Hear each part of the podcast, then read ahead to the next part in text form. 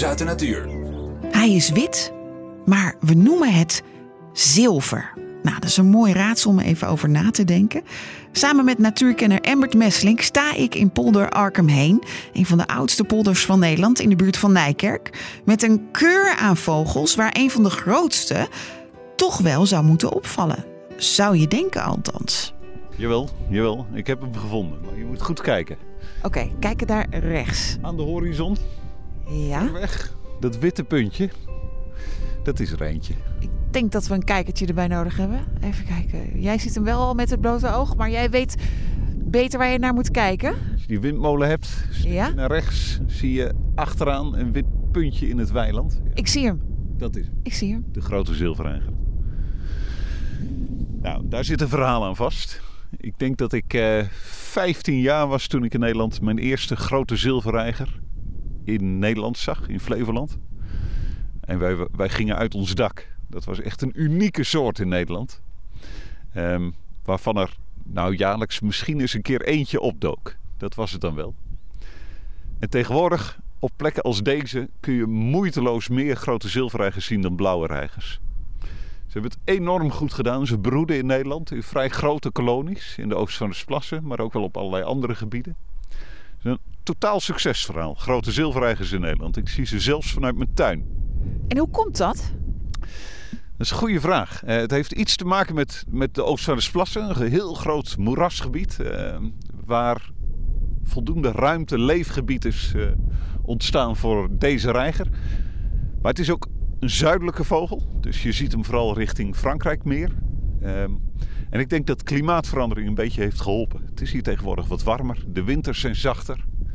Ehm, ze redden het hier goed. En als je hele oude verslagen leest over natuur in Nederland, echt van eeuwen terug, ehm, zaten ze er ook. Dus het is denk ik ook een vogel die in het verleden bejaagd is geweest en daardoor is verdwenen. Nou, dat is, dat is echt voorbij. Grote zilverreigers zijn weer overal te zien. Kijken nog even of we dat witte puntje nog zien aan de horizon. Jij door de kijker.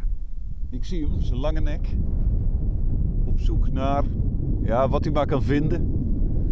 Het kunnen wat eh, visjes zijn, maar hij pakt ook wel eens een muis. Of misschien zelfs een mol.